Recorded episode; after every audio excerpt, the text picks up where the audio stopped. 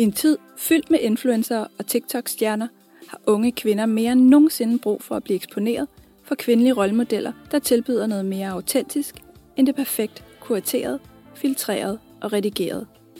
Det er rigtig vigtigt, at unge kvinder har nogen, de kan spejle sig i, så de kan sige, hvis hun kan, så kan jeg også. Du lytter til Frøken Fortuna, en podcast om kvindelige rollemodeller. Den her podcast ønsker at støtte unge kvinder og bidrage med adgang til en forestilling om, hvem de kan være og hvad de kan blive.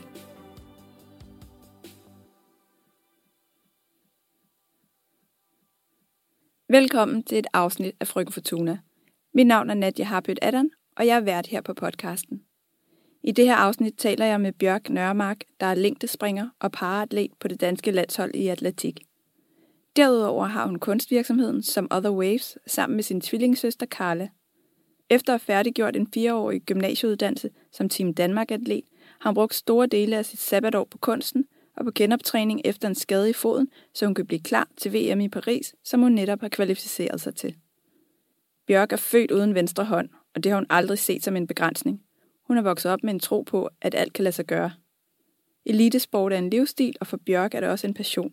Hun siger selv, at hun føler sig levende, når hun dyrker sport, og vil gerne være den bedste til det, hun laver, men samtidig arbejder hun også på ikke at miste sig selv i det undervejs.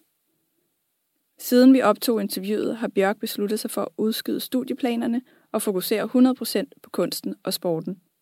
Efter VM i Paris i 2023 venter de paralympiske lege i Paris i 2024.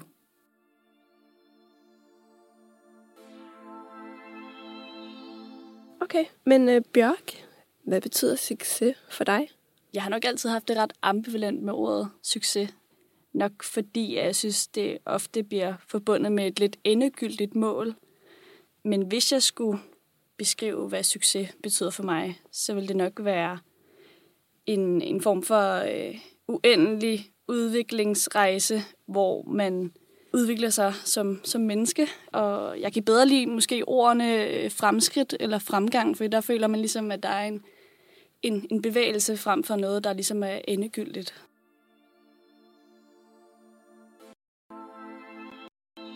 Jeg er først og fremmest 20 år gammel, og så er jeg paraatlet på det danske paralandshold i atletik. Jeg dyrker længdespring. Udover det, så har jeg sabbatår, efter at have været færdig med min øh, fireårige gymnasieuddannelse på øh, Falkonærgården som Team Danmark-atlet. Så har jeg deltaget i de paralympiske lege i Tokyo 2020, rykket til 2021 på grund af corona. Udover det, så er jeg øh, også meget kunstinteresseret. Jeg har en kunstvirksomhed sammen med min søster, tvillingesøster, som hedder Some Other Waves, hvor vi maler på lofte og på vægge. Men udover det, så er jeg arbejdsløs lige nu og har sabbatår. Du laver nogle ret spændende ting. Både tak. elite, sportsudøver og kunst, kunstner. Du er på det paralympiske landshold, og du har deltaget i de paralympiske lege. Og kan du beskrive, hvad det er, eller forklare lytterne, for dem, der ikke ved det, hvad det er? Ja, altså, øh, jeg er selv født uden venstre hånd, og det er ligesom grunden til, at jeg kan være på det danske parlandshold, som består af en masse forskellige øh, atleter, der har forskellige funktionsnedsættelser, både fysiske og mentale. Jeg, jeg kom ind i elitesporten på en ret sjov måde, fordi at, at øh, jeg startede sådan set bare med at gå til atletik, fordi jeg altid har godt kunne lide at være aktiv. Og så var det, at jeg blev kontaktet af paralandsholdets øh, landsholdstræner, som spurgte, om jeg kunne være interesseret i at, at prøve at komme på paralandsholdet. Og i første omgang, så sagde jeg faktisk nej, men så kom han tilbage heldigvis tre år senere, og så øh, der var jeg måske mere klar på at prøve det. Det er ret sjovt. Som om, det er lidt som om, at, at elitesporten valgte mig, og ikke, øh, ikke omvendt. Og også alt det her med de paralympiske lege, som var en kæmpe stor oplevelse. Det har sådan set aldrig været en drøm for mig at blive elitesportsudøver. Men virkeligheden blev ligesom til en drøm, og ikke omvendt. Og, og på den måde, så, så har sporten bare vokset ekstremt meget på mig lige siden. Mm.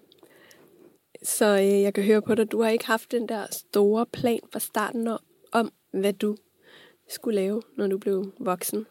Nej, det, meget af det er kommet sådan lidt hen ad vejen, ja. tror jeg. Kan du beskrive mere, hvor du får den her viljestyrke fra, som jeg forestiller mig, man skal have for overhovedet at komme på landsholdet? Ja, jeg er ret sikker på, at meget af min viljestyrke den kommer fra min, fra min opvækst og min opdragelse. Nu er jeg så godt nok født uden venstre hånd, men mine forældre har altid opdraget mig til, at alt er muligt på trods. Så på den måde, så har jeg aldrig set mit handicap, som man i princippet kalder det, øh, som en, en begrænsning i mit liv. Og på den måde, så tror jeg, at den indstilling har gjort, at jeg altid har, har, har troet på, at alt kunne lade sig gøre. Og er det vigtigt at have den indstilling, hvis man skal nå til tops? Det, det er i hvert fald en, øh, en god ting at have med, ja. Men jeg har helt sikkert også haft de, de allerbedste rammer til at vokse op som et viljestærkt og selvsikkert menneske på baggrund af mine forældre og min familie. Ja, så du har haft et rigtig godt bagland. Ja, det kan man sige. Har du oplevet også at have nedture, eller sådan om mist mod? Ja, øh, helt sikkert. Øh, jeg har faktisk en ret stor, ret lang skadeshistorik, og jeg er også i gang med at overkomme en skade lige nu, som jeg har i foden. Og, og det er ret sjovt, det her med, med de her omveje, fordi at, at nogle er længere, og nogle er kortere, men, men i sidste ende, så er det stadig en, en, en, den, en vej, der ender ved et eller andet mål. Og det jeg tror jeg altså er noget af det, jeg ofte tænker på, når jeg er i en øh, skadesperiode. Fordi at man, man går, og, øh, og nogle gange så får man en skade, og så øh, påvirker det en rigtig meget, både mentalt og selvfølgelig også fysisk. Man kan ikke gøre det, man gerne vil. Så må man fokusere på, på det, man kan kontrollere, og, og prøve at og netop fokusere på de her enkelte små fremskridt, små sejre i hverdagen. Og, og på den måde, så, så prøver jeg at, at komme igennem de, de svære perioder. Ja. Alle går igennem skadesperioder, og det er simpelthen fordi, at elitesport er den her balance på en mega tynd line omkring, træner man nok, træner man for meget, udfordrer man kroppen, eller belaster man kroppen. Og nogle gange, så falder man. Så heldigvis har man nogen, der ofte hjælper en med at rejse op igen.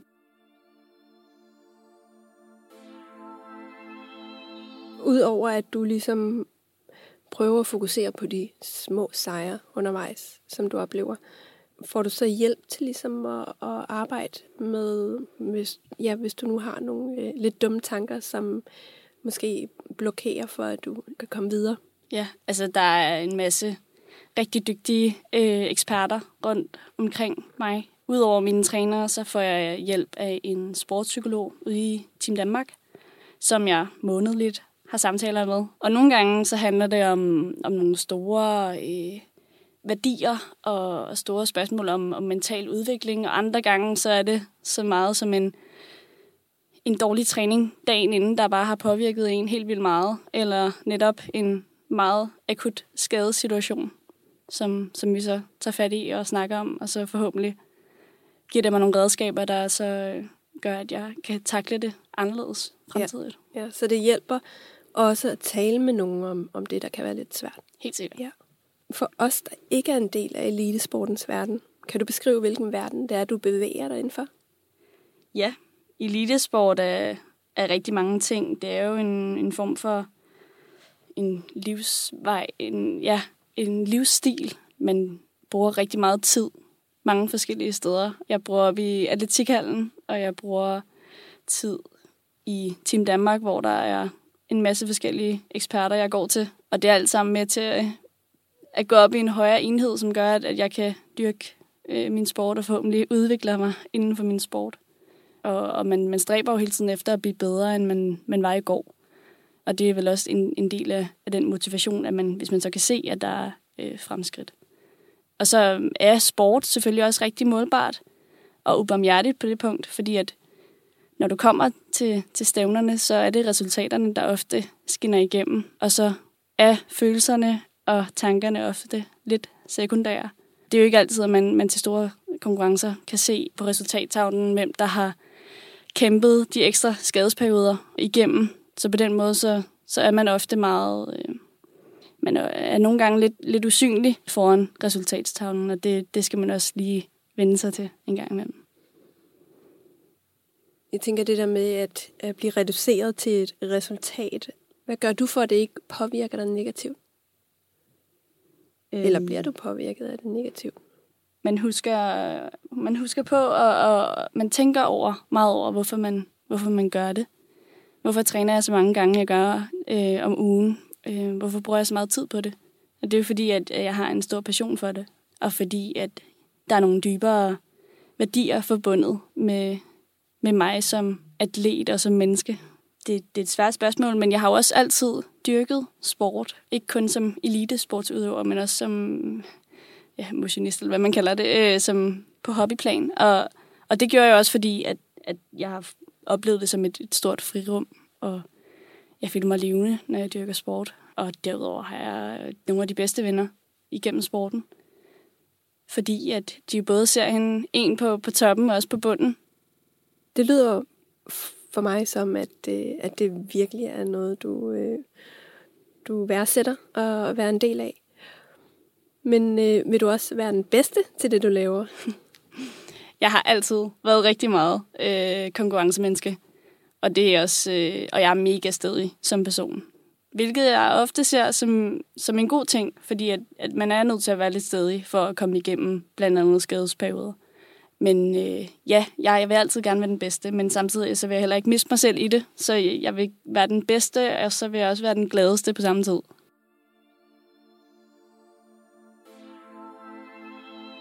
Hvordan er du nået dertil, hvor du er i dag? Jamen, der kommer stedigheden nok lidt ind igen. Fordi at jeg, jeg vil selv. Jeg kan selv, og jeg vil selv. Og selvfølgelig på grund af mine rigtig gode rammer hjemmefra og medmennesker, så får jeg den støtte, jeg har brug for. Både mentalt og på alle mulige måder.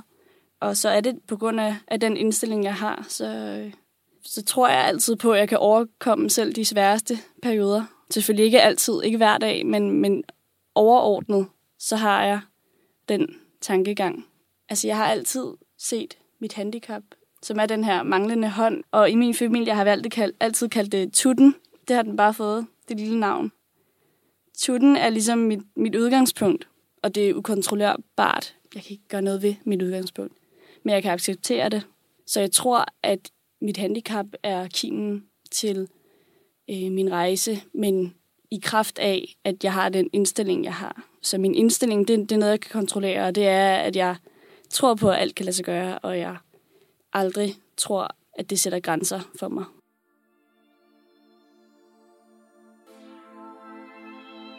Du har oplevet, at flere forældre har kontaktet dig. Mm. Øh, forældre, der selv har børn, der øh, også er blevet født uden øh, venstre hånd. Mm. Hvad vil de? Her, jeg tror det var sidste år, så øh, blev jeg kontaktet af en mor over Instagram, der hed Mette, som skrev til mig og fortalte, at hun havde øh, født en, en datter, der var blevet født uden venstre hånd også. Og i den forbindelse ville hun bare, tror jeg, hun søgte noget, noget en, en, en form for indblik i, øh, hvordan det er at leve med en hånd mindre end gennemsnittet. Og ja, der er jo rimelig øh, godt eksempel, fordi jeg har levet med kun højre hånd i hele mit liv. Så vi har bare lige siden da holdt kontakten, og øhm, en gang imellem, så skriver hun og spørger om noget. Og øh, jeg er bare mega glad for, at jeg kan give en lille bitte smule øh, mindre bekymringer, fordi at, at jeg netop aldrig har, har set det her handicap som en begrænsning. Og her sidste sommer, så var jeg faktisk over sammen med min tvillingssøster og besøge øh, familien og så Vilja. Og det var, det var så hyggeligt, øh, og jeg er helt sikker på, at vi skal holde kontakten. Har du øh, haft nogle rollemodeller, mens du øh, dyrkede sport, og igen, da du blev elitesportsudøver? Altså, uden tvivl, så er der en masse mennesker, jeg på forskellige måder ser op til. Men, men samtidig så tror jeg aldrig helt, jeg har haft behov for at opsøge nogen, der, der ligner mig selv så meget. Uden tvivl, så synes jeg, det er vildt hyggeligt og meget familiært at møde nogen, der, der mangler en hånd på samme måde, som jeg gør, fordi der er bare et eller andet helt familiært over det. Men jeg tror, fordi jeg aldrig har, har set mit handicap som en begrænsning, så har jeg heller ikke haft den der, det store behov for at opsøge andre. Men uden tvivl, så, så er rollemodeller vigtige. Fordi at de er, er nogen, man kan, man kan spejle sig i. Hvis vi snakker om, hvad en rollemodel er, og hvad de har egenskaber, så synes jeg ofte, at at rigtig gode rollemodeller, de viser, at de ikke er helt uovervindelige, og de viser, at de godt kan være menneskelige og have følelser og have nedture, og samtidig også kæmpe for at, at overkomme det, men helt sikkert, at, at de ikke er uovervindelige. Ja, fordi udover at du er elitesportsudøver og kunstner og har den her virksomhed med din søster, så er du jo også en ung kvinde med alle de altså alt, hvad det indebærer af tanker og følelser. Hvornår er du bare Bjørk og ikke sportsudøveren Bjørk? jeg tror, at noget af det også det vigtigste for mig, det er, at jeg altid har mig selv med i det. Derfor er jeg altid Bjørk, også i sporten. I forhold til det med rollemodeller, så tror jeg faktisk, at også at jeg var rigtig heldig, at mødet med den her sport, det har faktisk været den allerstørste kilde til spejling, fordi at gennem sporten har jeg mødt så mange, som jeg kunne spejle mig med. Og jeg øh, er helt sikker på, at jeg ikke havde ville være den samme, hvis det var, jeg ikke var kommet ind i parasporten. Fordi at det har, det har udviklet mig på rigtig mange måder, og især mentalt. Så er det faktisk givet dig en større tro på dig selv, øh, at være en del af den her verden? Eller? Ja, jeg tror, øh, Ja, helt sikkert. Det har været med til at, at understrege, at alt er muligt. Det ser man, altså, da jeg var i Tokyo, der var der de vildeste mennesker, der kunne de mest sindssyge ting. Man bliver gang på gang over, overbevist om, at, at alt kan virkelig lade sig gøre.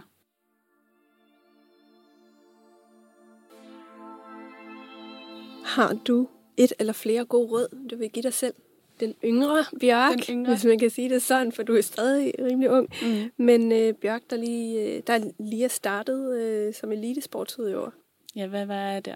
Der var jeg måske 16.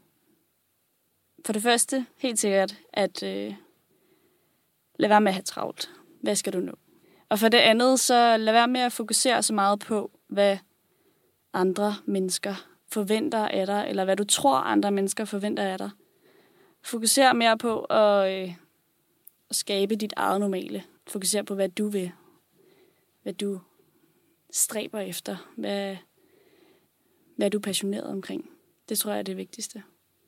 Var det også nogle øh, gode råd, du selv fulgte? Jeg har faktisk aldrig følt, at jeg har haft travlt. Og det tror jeg er mine forældre, der altid har sagt, du har ikke travlt. Mm.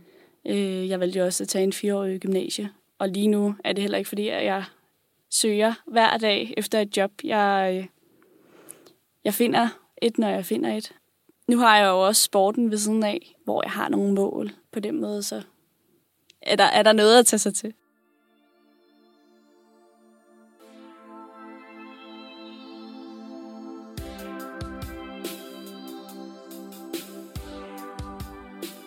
For mig lyder det som om, at du lige nu laver noget, som, eller laver flere ting, som du gør, fordi du har lyst til det.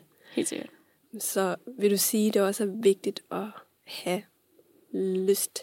Fordi vil det overhovedet lykkes, hvis ikke man har lyst til det? Jamen, vil man være glad, hvis man ikke har lyst til det? Jeg gør rigtig ofte ting for, af lyst og af, af glæde og af, af passion, fordi at det er der, jeg oplever en, en begejstring og en nysgerrighed.